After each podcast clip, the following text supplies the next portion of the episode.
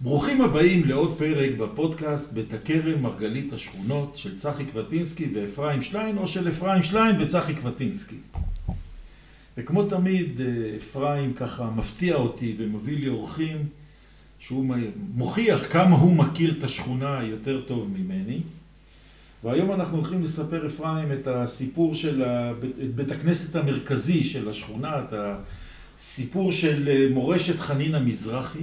שאני מודה, אני פחות הכרתי, ועכשיו אני כבר מרגיש שאני יודע ואני פוגש, אז בוא אפרים תספר לנו את מי אנחנו מארחים פה ותן כמה מילים שיפתחו את העניין. זה שלום לכולם. אגדה אורבנית זה מושג של איזה סיפור שמתגלגל בלי שיש לו איזה שהם יסודות, אבל חושבים שמרוב שהוא מתגלגל הוא האמת לאמיתה. והרבה מאוד שנים אני נדרשתי תוך כדי הסיורים והסיפור שלי עם העיסוק עם בית הכרם באו אנשים והיו מוכנים אפילו להתערב איתי שבבית הכרם ביסוד הייתה החלטה שלא יהיה בית כנסת. זה לא שלא קם, שלא יהיה, זאת אומרת נגד. וזה דבר שמאוד קומם אותי, כי בבית הכרם היה בית כנסת מיום יסוד השכונה. אבל יותר מכך, את בית הכרם הגו שלושה מורים. הרי אמרתי פעם שבית הכרם קם על ידי מורים, פקידים וסופרים. שלושה מורים הגו את הרעיון של בית הכרם. יצחק יעקבי, ניסים לוי וחנין מזרחי. ושנשמע תכף מי הוא חנין מזרחי, תבינו איך לא, לא היה מצב שלא היה פה פעילות של בית כנסת מיום שחנין מזרחי בא לגור בשכונה. ואת מי אנחנו מארחים היום? אנחנו מארחים את אה, דפנית ואלברט בירון. הזכויות למשפחת מזרחי זה של דפנית שרה בירון. חנינה מזרחי הגיעה לבית הכרם עם אשתו שרה, ודפנית קרויה על שם סבתא שלה. דפנית היא הנכדה של חנינה ושרה מזרחי. והיא סבתא של יאיר ויובל שגם גרים בשכונה. אז עוד נספר על חמישה דורות של משפחת מזרחי שגרים בבית הכרם, ועדיין בחוב בית הכרם 13, באותו מקום שחנין המזרחי בנה את ביתו בשעתו.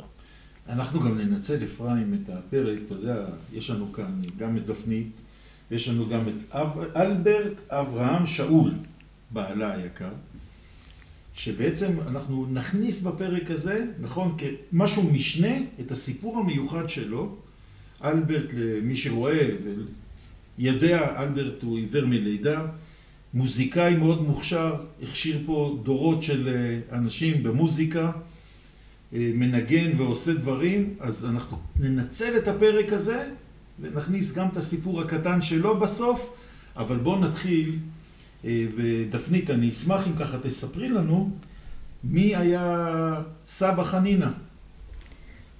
סבא חנינה נולד בטהרן בפרס בט"ו בשבט תרמ"ו, 1886, ואני שמחה שתודה לכם שהזמנתם אותנו בחודש שבט, לקראת יום הולדתו, 136 שנה עכשיו להולדתו. איזה סמליות, אה? כן.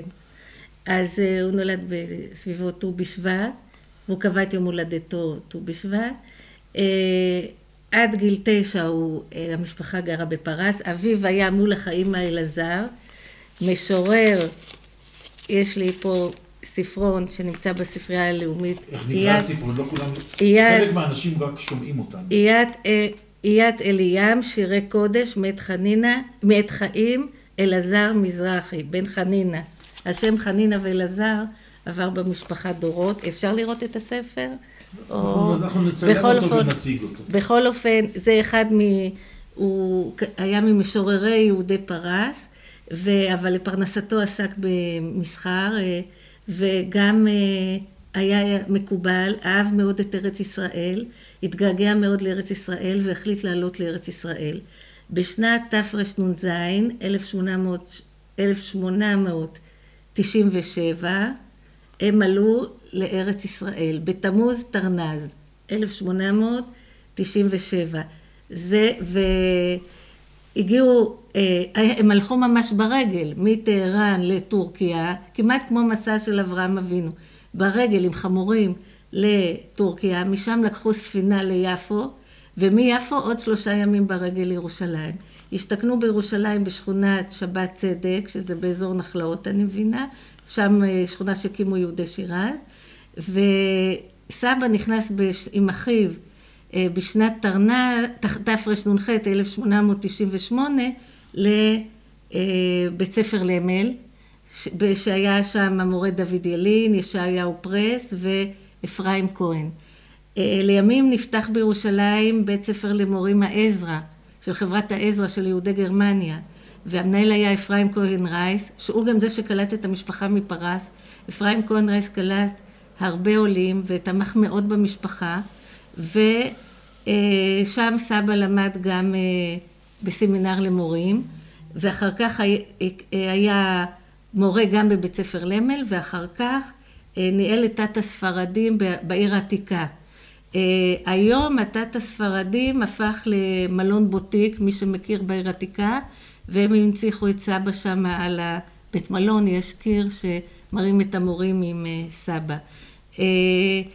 כידוע מלחמת העצמאות והעיר העתיקה נפלה, אז סבא העביר את תת הספרדים, הוא העביר לשלושה בתי ספר בעיר המערבית, וכשהייתי בחצר היישוב הישן, אה, אה, לצערי שכחתי את שם המנהלת, אבל היא סיפרה לי שהיא קראה הרבה, הייתה תערוכה לחינוך ביישוב הישן, וסבא היה שם דמות מרכזית, והיא קראה בארכיון בעיר, יש ארכיון, ארכיון של סבא בעירייה, בארכיון העירייה, והיא קראה איך הוא הציל את ה... שהחליטו להעביר את תלמידי העיר לעיר המערבית, שהוא גם, אה, אם הבנתי נכון, בסכנת נפשות, העביר את כולם, לא לבד העביר את כולם, אבל עם המורים וזה, עברו התלמידים לעיר המערבית. בואי, ו... בואי, בואי קצת ניקח צעד אחד קדימה, בגלל שהסיפור הוא מאוד גדול, ובואו נתחיל לקשור את סבא לבית הכרם. בסדר? בגלל שזה כן. בעצם המרכז של מה שאנחנו רוצים לשמוע, כן. ואת התרומה שלו פה.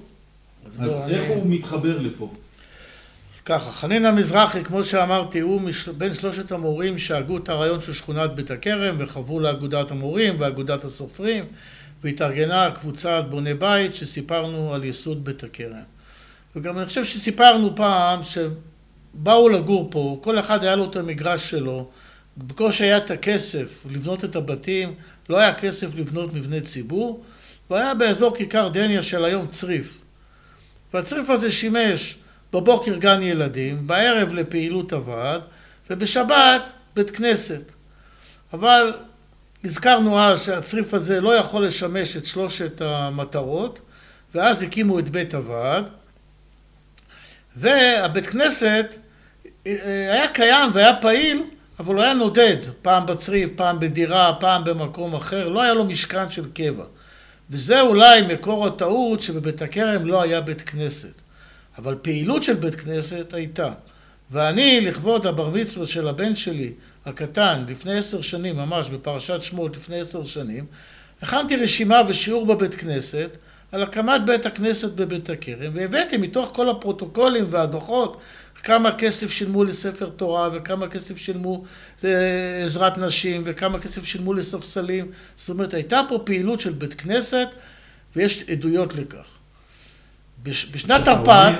אם, אם אמרת שלא היה רצון לעשות פה בית כנסת, כאילו בהגדה שאתה אומר, היו אנשים ש, שהיו משתמשים בבית כנסת, בוודאי, להתפלל? בוודאי, זאת אומרת, הקהל שהקים את בית הכרם, נכון שזה היה הרבה קהל, אמ, אם אנחנו נגיד על המורים ועל הסופרים והרבה אנשי רוח של אנשי העלייה השנייה שבעצם יצאו מאירופה מהבית היהודי למשל סבא שלי הוא בא מבית שהוא למד בישיבה לפני שהוא בא, עלה לארץ. אבל סבא שלי התפקר, הוא לא חיפש את, הוא לא חיפש את הבית כנסת, אבל היה פה קהל גדול שהפעילות של בית הכנסת הייתה חשובה לו, ולכן היא נדדה. אפילו יש לנו עדות בכתב שב-1925, תמיד שנתיים אחרי שבית הכרם מתחילה להתאכלס, מתארח בבית הכרם חבר, האדם שרצה לבנות פה את ביתו, חיים נחמן ביאליק, ומתארים אותו עולה לתורה בבית הכנסת בבית הכרם, זיכרון של ילד בשם רם רוזנשטיין. והוא אומר, אבל ביאליק עם כל השירים שהוא כותב, איך נותנים לו בכלל לעלות בבית כנסת? אבל זה הבית כנסת בבית הכרם. עכשיו, לחנין המזרחי, היה רקע לפני זה, או היה גבאי במקומות אחרים? איך, איך הוא התחבר להיות הגבאי של הבית כנסת? הוא, קודם כל הוא היה אדם דתי. אם הוא היה מורה בתת הספרדים. תת זה תלמוד תורה, למי שלא. כן, תלמוד כן, תורה. ברור. אז הוא היה, גם היום הגבאים, זה, זה, זה לא כמו רב שצריך ללמוד להיות גבאי. זה... זה תפקיד. זה תפקיד. תפקיד ניהולי. תפקיד ניהולי, כן. והוא היה גם מנהל התת, אז כישורים ניהוליים היו לו. ואדם דתי, וראשוני בית הכרם... הוא לקח על עצמו הוא לקח על עצמו, את הוא לקח. על עצמו, כן. כן, כן, כן. ורציתי לציין שהוא נכנס לביתו בט"ו באב אה, תרפ"ג, 1923, והשנה זה בדיוק 100 שנה, בט"ו באב בקיץ האחרון היו 100 שנה, ודחינו את החגיגה לחול המועד סוכות, כי בקיץ לא התאפשר לכל המשפחה להגיע, גם יום של חתונות, וזכינו, אה, הספקנו לפני המלחמה, לצערנו כמובן שמצטערים כמובן נורא שהיא פרצה, אבל הספקנו עוד לחגוג את המאה שנה בחול המועד סוכות הזה. אז בואו ככה, אני- מהצריף, אפרים, מהצריף, מהצריף. מהצריף, איך זה מתפתח לבית עכשיו, כנסת? עכשיו, בתוכנית המקורית של בית הכרם, ריכרד קאופמן מסמן מבנה בראש השכונה, שהוא המרכז התרבותי-רוחני, שכולנו מכירים אותו היום כמבנה הסמינר. ובתוכנית שלו הוא רושם את הפונקציות שיהיו בתוך המבנה הזה, ובתוכו מופיע גם בית הכנסת. יש גם תזכירים של יעקב האפט, מייסד בית הכרם, שמספר שיש כוונות להקים בית כנסת בשכונה. אבל לא היה כסף ולא היה אה, יכולת להקים מבנה של בית כנסת. וככה שדוד ילין מקים את הסמינר, ובמאורעות תרפ"ט סיפרנו על הפרות של יגאל, סיפרנו שמתכנסים שם התושבים. אולי אני אתן לדפנית, תספרי דוד, מה חנין המזרחי מביא לסמינר? את... אה, כן, את ספר התורה. את ספר כן, התורה. כן, אני יכולה ל- לקרוא קטע קצר? תקריא קטע קצר כן. מספר בית הכרם. כן, בימי... ש... זה רשימה שלך. רק תגידי לאנשים, כן. מאיפה את מכירה את זה. כן, הספר בית, בית הכרם, אה, שסבא... אה, אני ב- מדבר על הספר אחר כך. בית. הכרם בת 40, זאת אומרת שהוא יצא, בשנה, אם היא ב-23 אז זה 63, וערך אותו שרגא קדרי, אבל זה היה אה, ביוזמתו של סבא, והוא כתב את הפרק על בית ועל הכנסת. שרגא קדרי דיברנו דיברנו בפרק עם אחר. סילמן, כן. משפחת סילמן. כן, וסבא כתב בספר את הפרק על בית הכנסת. אז אה, כתוב, סבא כותב, בימי מאורעות הדמים של שנת 1929 התבצרו כל תושבי בית הכרם בבניין בית המדרש למורים העברי מיסודו של דוד ילין. בעקב מטר היריעות שבאו מכל העברים, לא העז איש לצאת אל הרחוב. בעלי עוז התגנבו מבין שורות העצים שבגנים והביאו את ספרי התורה שבצריף. ובעולם שנבנה בבית המדרש למורים לשם בית הכנסת, ערכנו את התפילה בשבת. האולם הזה עוד טרם נשלם בניינו מבפנים, היה בעין טיח ורצפה, ולאחר ששכחה חמת המציק, העברנו את הספסלים מן הצריף וסידרנום על גבי שכבת עפר שכיסתה את קרקע האולם, ובאין ברירה הסתגל כלל המתפללים למצב הראי זה למשך חודשים רבים.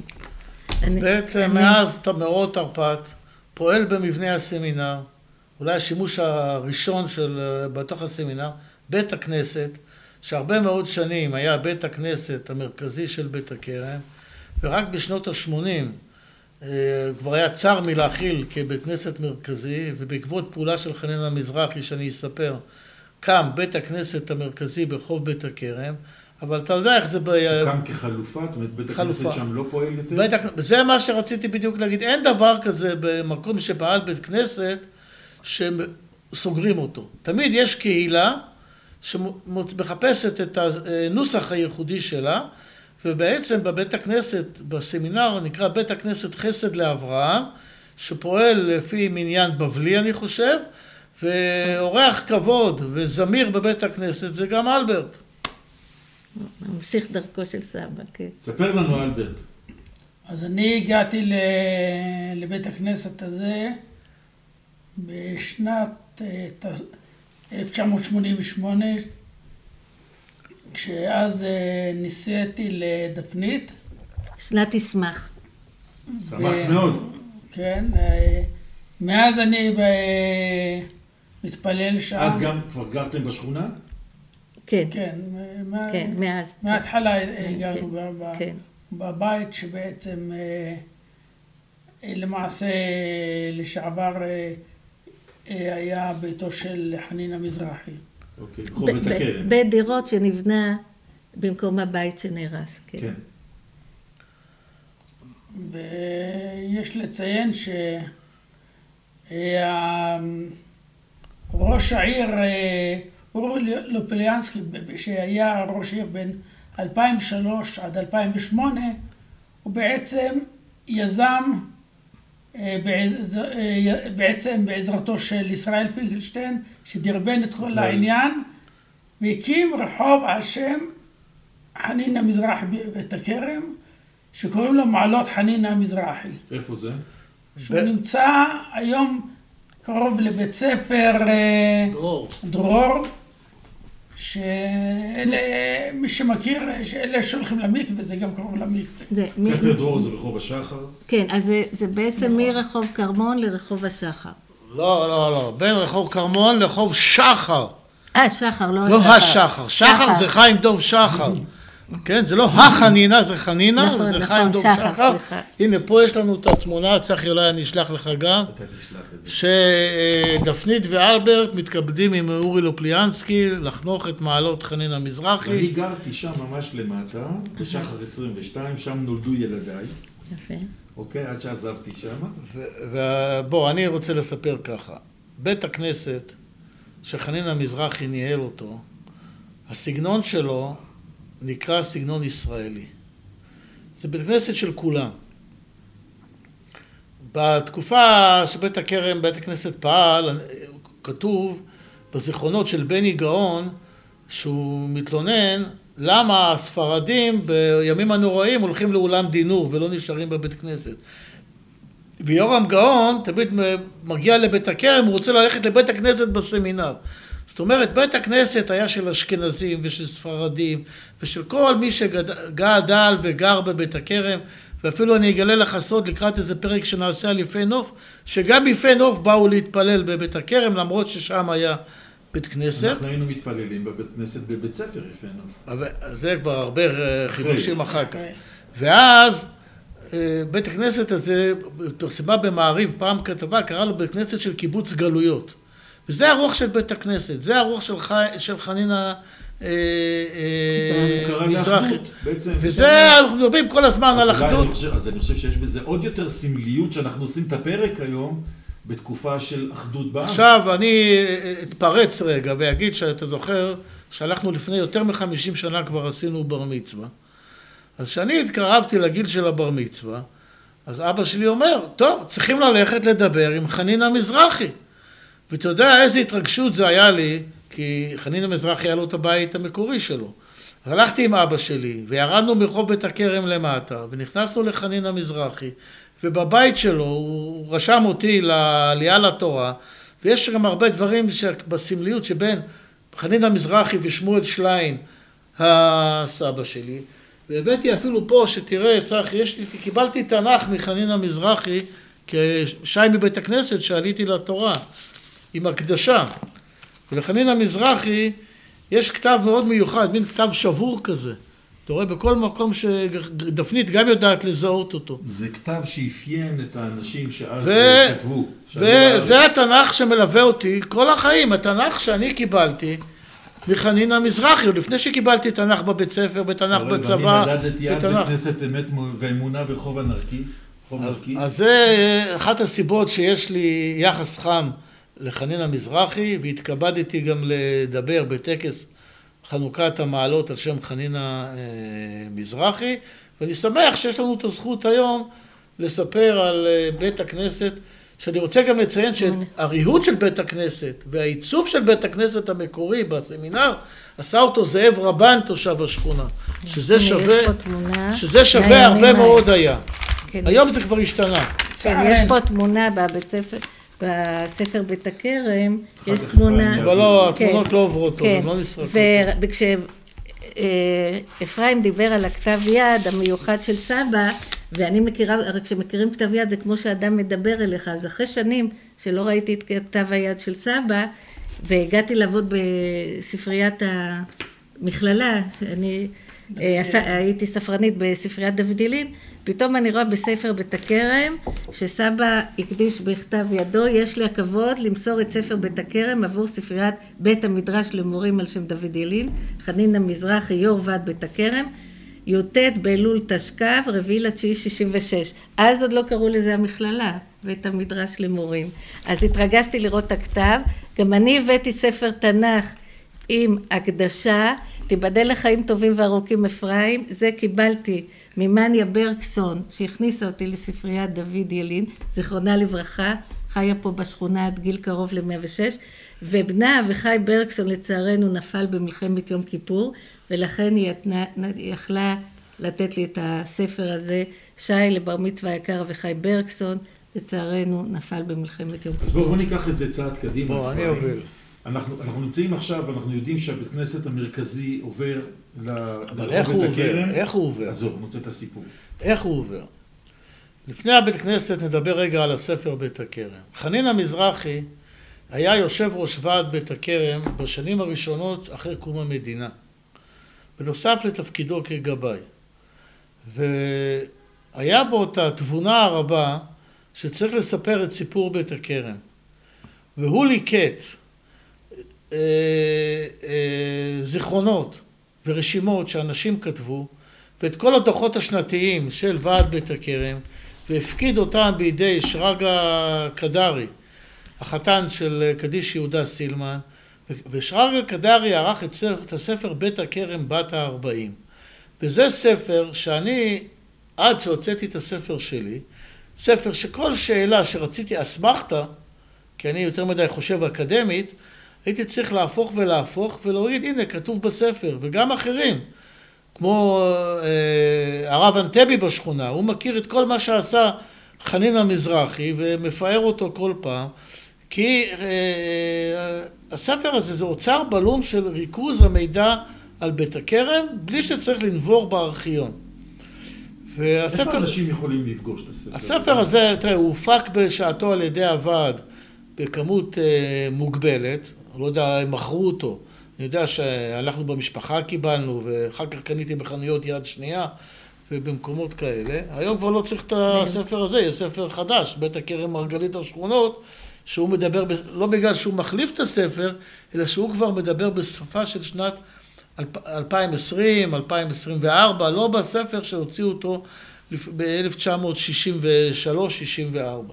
סליחה. אבל מה שאני רוצה לספר, זה שהדבר המיוחד השני שעשה אה, חנין המזרחי, היה, בעצם כשבית הכרם סופחה לירושלים, שר, היה צריך לתת לעירייה את הכסף של הוועד, את הארכיון של הוועד ואת הנכסים של הוועד. משהו נאיבי קצת במונחים של היום. ובאו חנין המזרחי ועמיקם יפה ומי שהיה איתו בוועד לראש העיר מרדכי איש שלום שכל תוכנית אנחנו כמעט מדברים בשבחו ואמרו לו הנה אתה יצא, יצא צו של שר הפנים קח את הכסף קח את הנכסים קח את הארכיון אז יש לנו רק בקשה אחת עשה למען הקמת בית כנסת בבית הכרם. הרי הבית כנסת היה בתוך הסמינר לא היה מבנה. אז בזכות העברת הארכיון, יש לנו בארכיון העיר ירושלים, אולי השכונה עם הכי הרבה חומר, זה שכונת בית הכרם. בזכות העברת הנכסים, יש לנו את בית הוועד, שהוא נכס שהיום כל השכונה נהנית ממנו.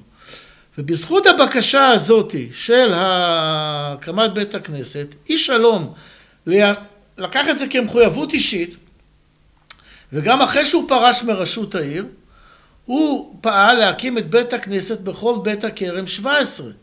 ובמקום הזה... מה היה שם לפני? היה בית שפעם זה היה של משפחת אמירה. אף אחד לא יודע בדיוק לספר לנו איך זה הפך להיות גני עירייה. יש שם שני גני עירייה. ו... עד היום, נכון.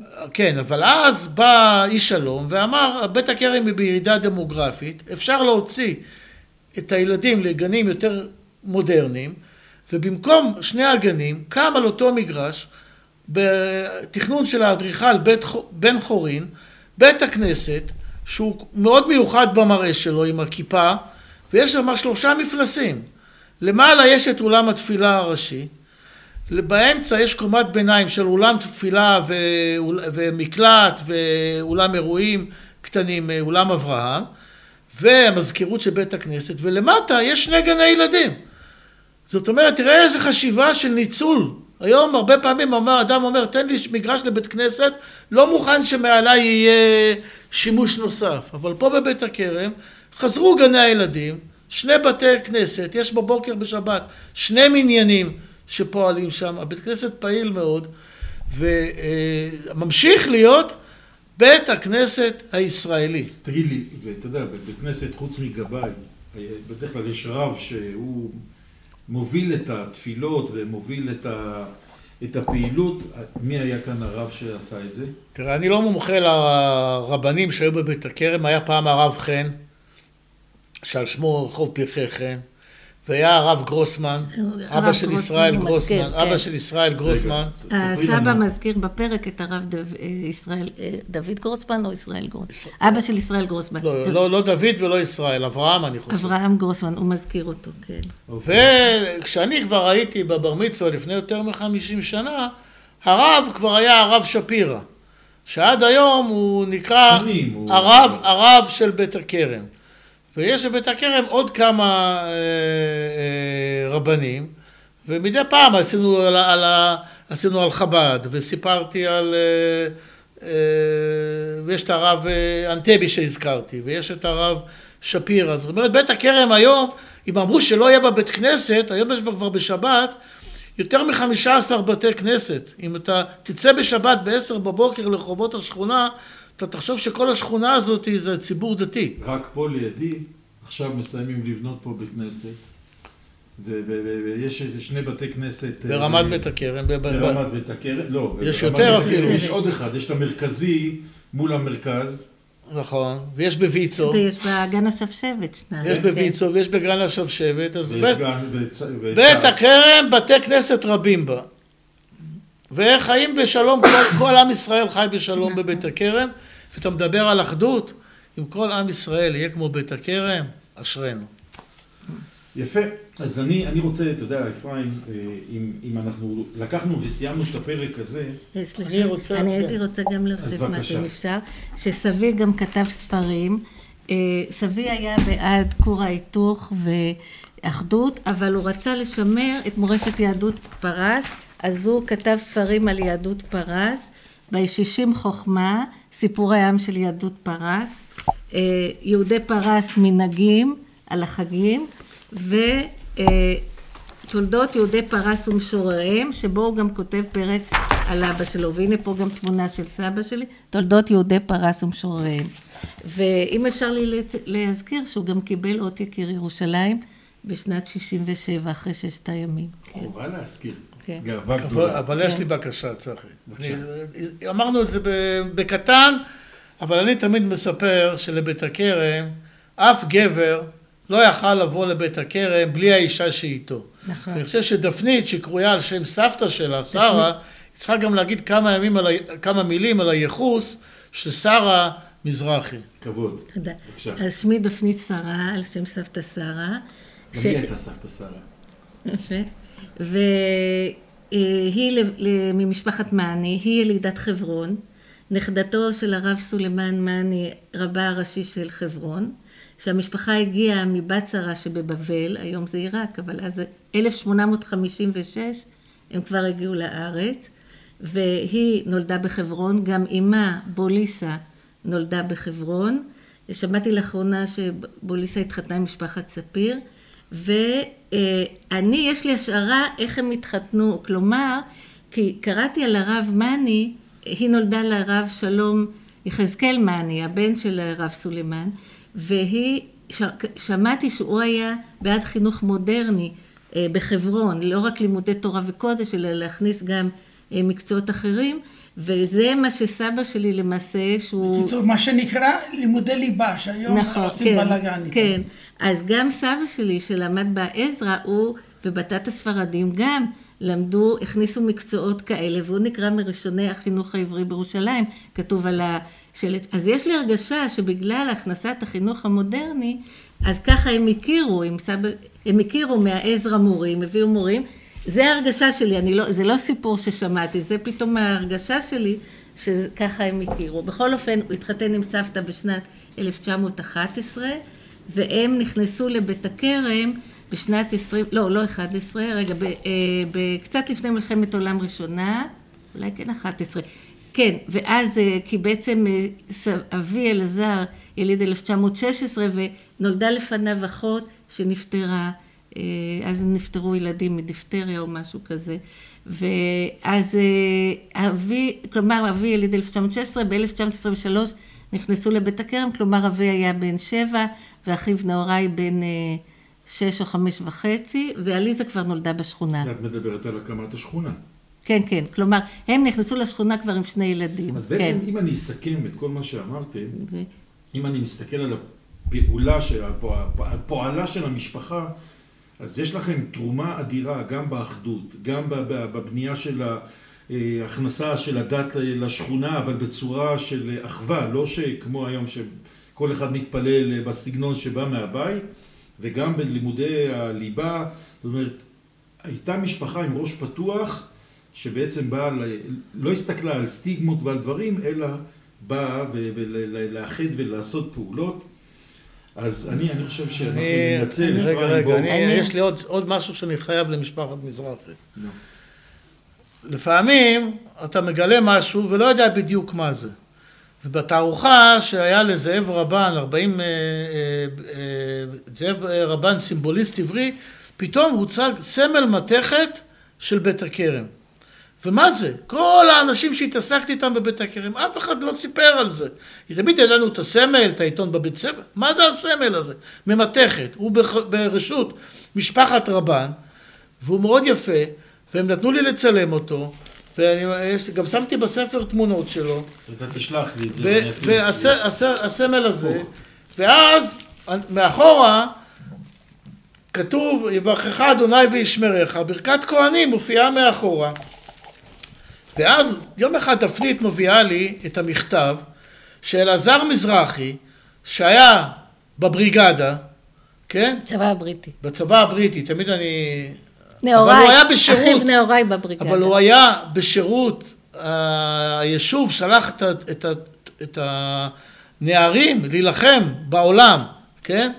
והוא מקבל מוועד בית הכרם, ממש כל חברי הוועד בראשות צבי ונטיק חותמים פה, וכותבים לך, אנחנו שולחים לך בזה בשם חברי בית הכרם את מיטב ברכותינו לקראת השנה הבאה, ואומרים, ויהי רצון שתהיה השנה, שנת ניצחון והשלטת הסדר בעולם, שנת גאולה לעמנו, שנה שאתה וחבריך ישובו בשלום לארצם ולביתם, ולאות חיבה והערצה מצד חבריך והוריך, הננו מגישים לך בזה תשורה צנועה, הכוללת.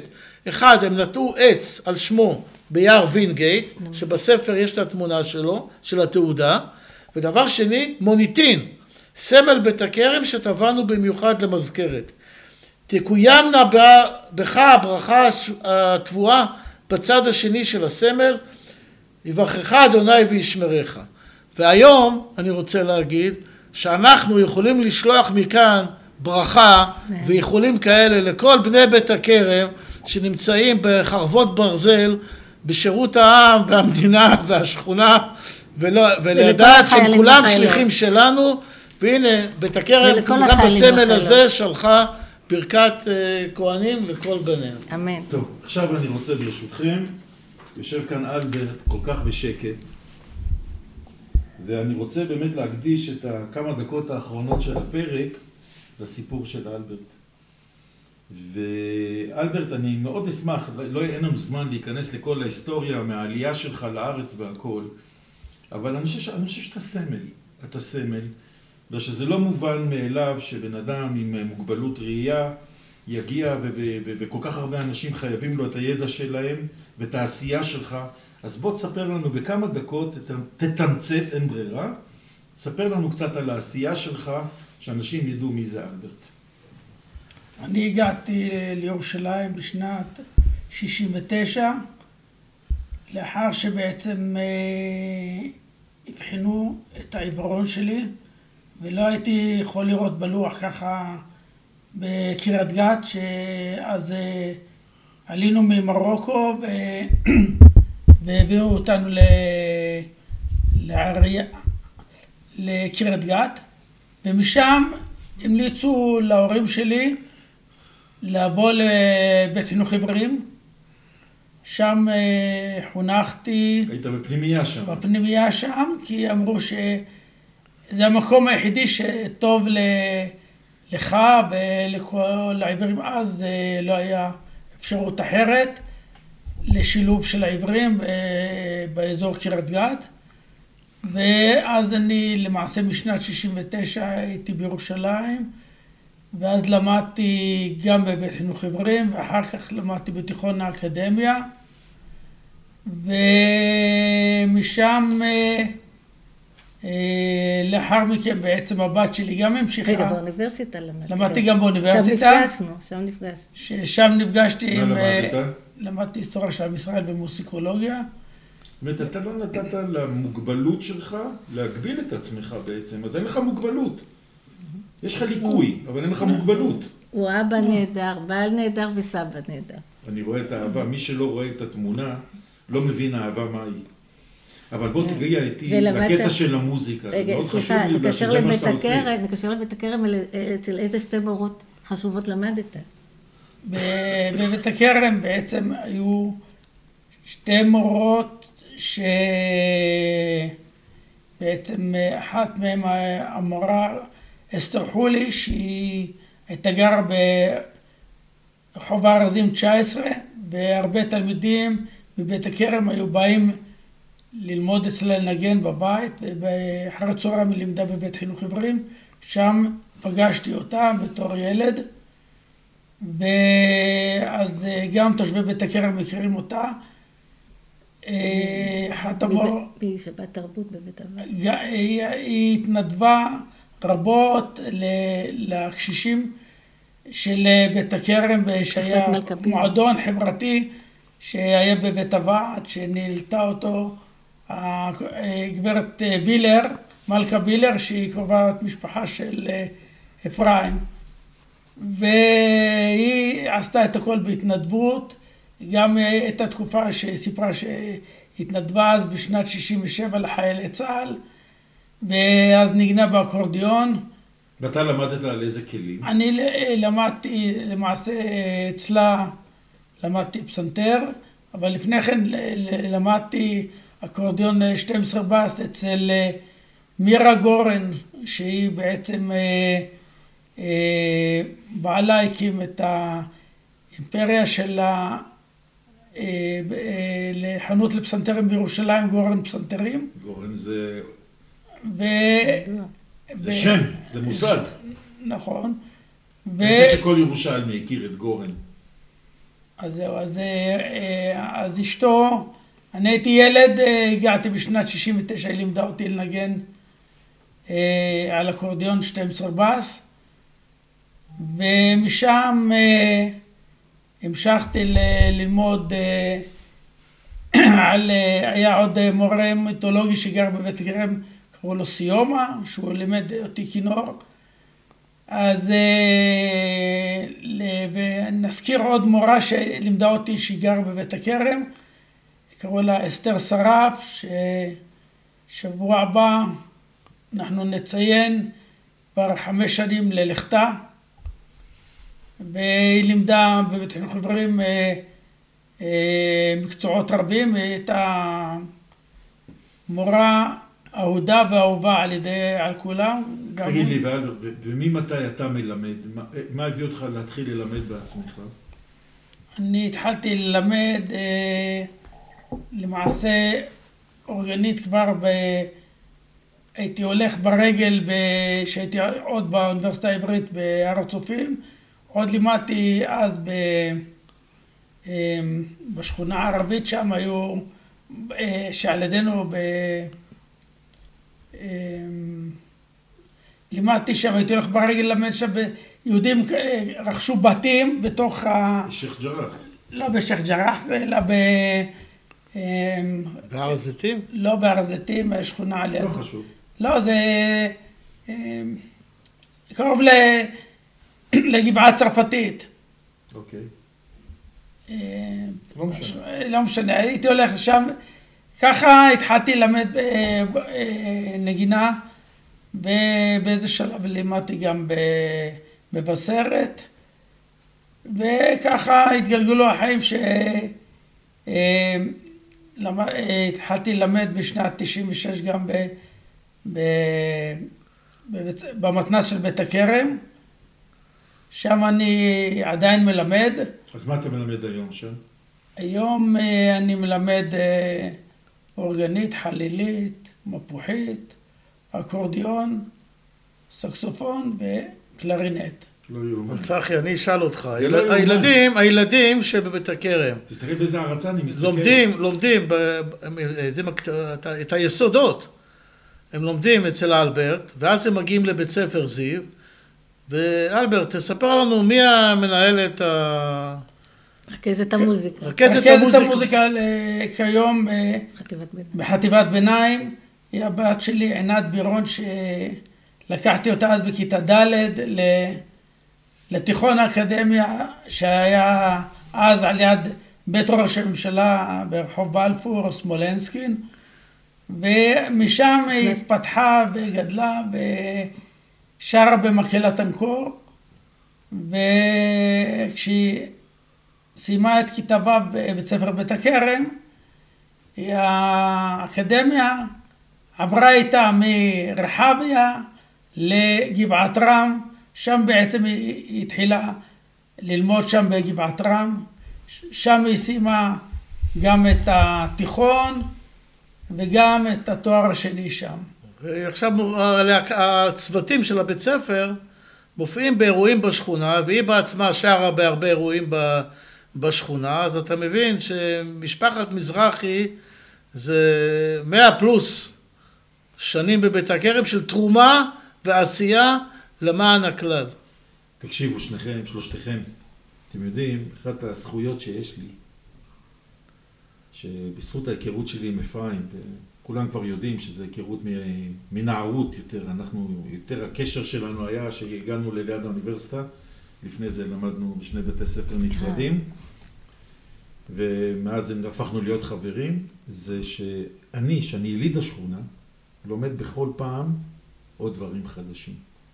נכון שחלק מהדברים אני יודע, מן הסתם גדלתי פה, אבל אה, אתכם לא הכרתי, ואני אה, ממש מודה לאפרים על הזכות שהוא, באמת הייתי רואה, אלברט יותר קל לזכור, בגלל אה, שהוא היה הולך עם כלב נחייה, אבל זה יותר בולט, אבל אני ממש כזה מתרגש שאני לומד עוד פרק על השכונה הזאת, ועוד פרק על ההיסטוריה ועל התרומה.